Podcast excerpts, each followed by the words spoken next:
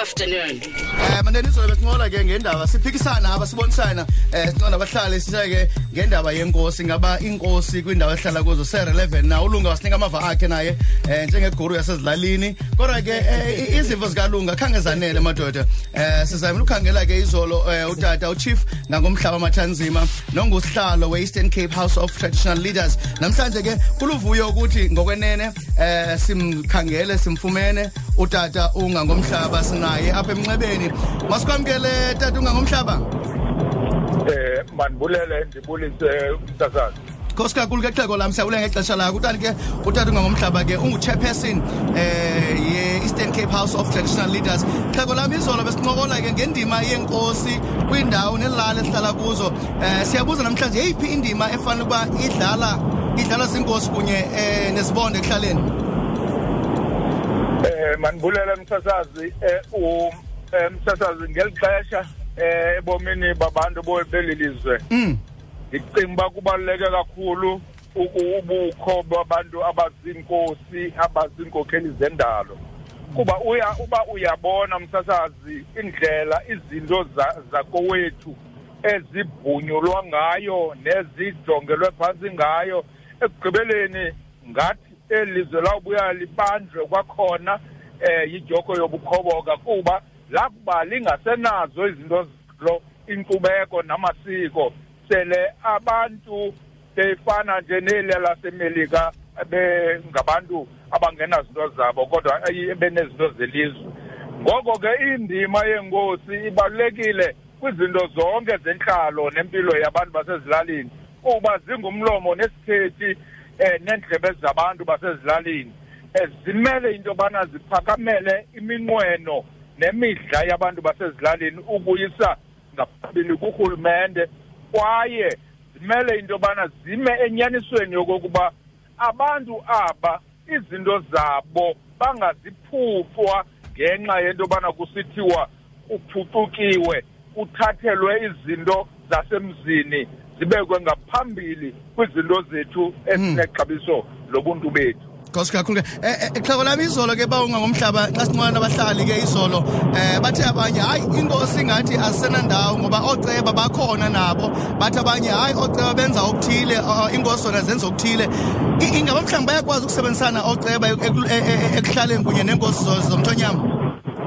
Eh ngokokuqonda kwethu thina wethu msasazi eh oceba abangaba bafuna ukukhuphisana nenkosi iyawuba ngoceba abangalwaziyo ubizo lwabo. Mm. Neenkosi ezingaba zikhuphisana noceba iyawuba ziinkosi ezingawazanga kakuhle umsebenzi wazo.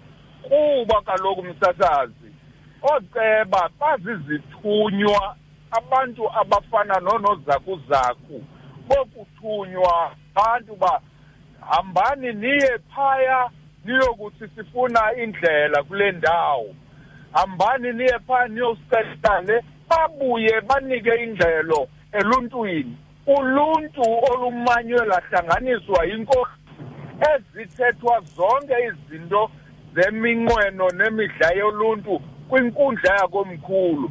Kuyalezwa izithunywa ezingoceba ukuze uba kukhona ingxaki yokungaswaso kwezinto ezithethwa ngo- egameni labantu kuphakama iinkosi zisithi abantu bakaba omkhulu bebethume izithunywa apha. Zibuya ke zisithi aniyisangaso into eyenziwe ngabantu bakowethu Okay. Eh, abanye ke tata ungangomhlaba eh, sibave bekhalaza besithi eh, amandla enkosi mancinci kakhulu ekuthatheni izigqibo. Ingaba ikuyafika kuni lento mhlawumbe niyindlu yenkosi zomthonyama kwaye bayifikile.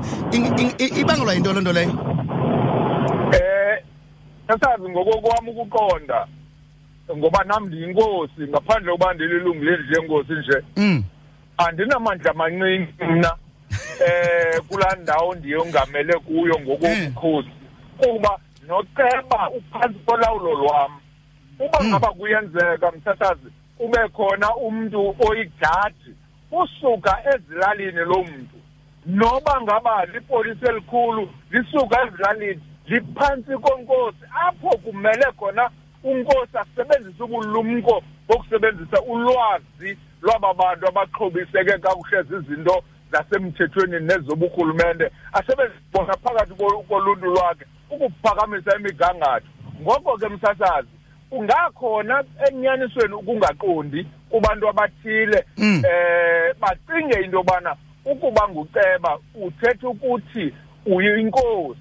Okay. Ukuba inkosi ithetha ukuthi uceba kanti ezi zinto kum azifani Okay. ikhona yona lento msasazi abayakuthi abantu ngenxa yayo kuthathwa amandla enkosi xa ujonga ukuqotha kukarhulumente ekuphuhliseni iinkqubo zasebukho- zasebukhosini kunye nokuqeqeshwa kwenkosi kwimisebenzi yazo ngokunjalo nokwakhiwa kwamaziko ezisebenzela kuwo xa ujonge loo nto uyakuthi inene ubukhosi obu. Noko kusithiwa nje buxatyisiwe kodwa izinto ezenzelwa bona zihamba kancinane kakhulu. Okay if uyangena ekhaya ngelixesha sincola naye ke utata eh, ungangomhla chief mathansima eh, nongusihlalo we-eastern cape house of traditional leaders. Sithetha ngerole ye-traditional leaders kwindawo esihlala kuzo. Eh xhego lam xa so ngenxa yexesha ndifuna nje bomfutshane kakhulu xa uyiphendulayo lena eyokugqibela yintoni engenziwa ngabahlali mhlawumbi ukuncedisana eh nenkosi kwindawo esihlala kuzo? Abahlali ngokwesiko elidala bafanele into yobana babe bathundeza iinkosi zabo ngokwenza imisebenzi ezalathelwe yona bade baphakamele ukunganziwa kakuhle kwezinto zasebukhosini ngurhulumente. Okay. Nkosi kakhulu ke xhego lam siyabulela tata ngexesha lakho.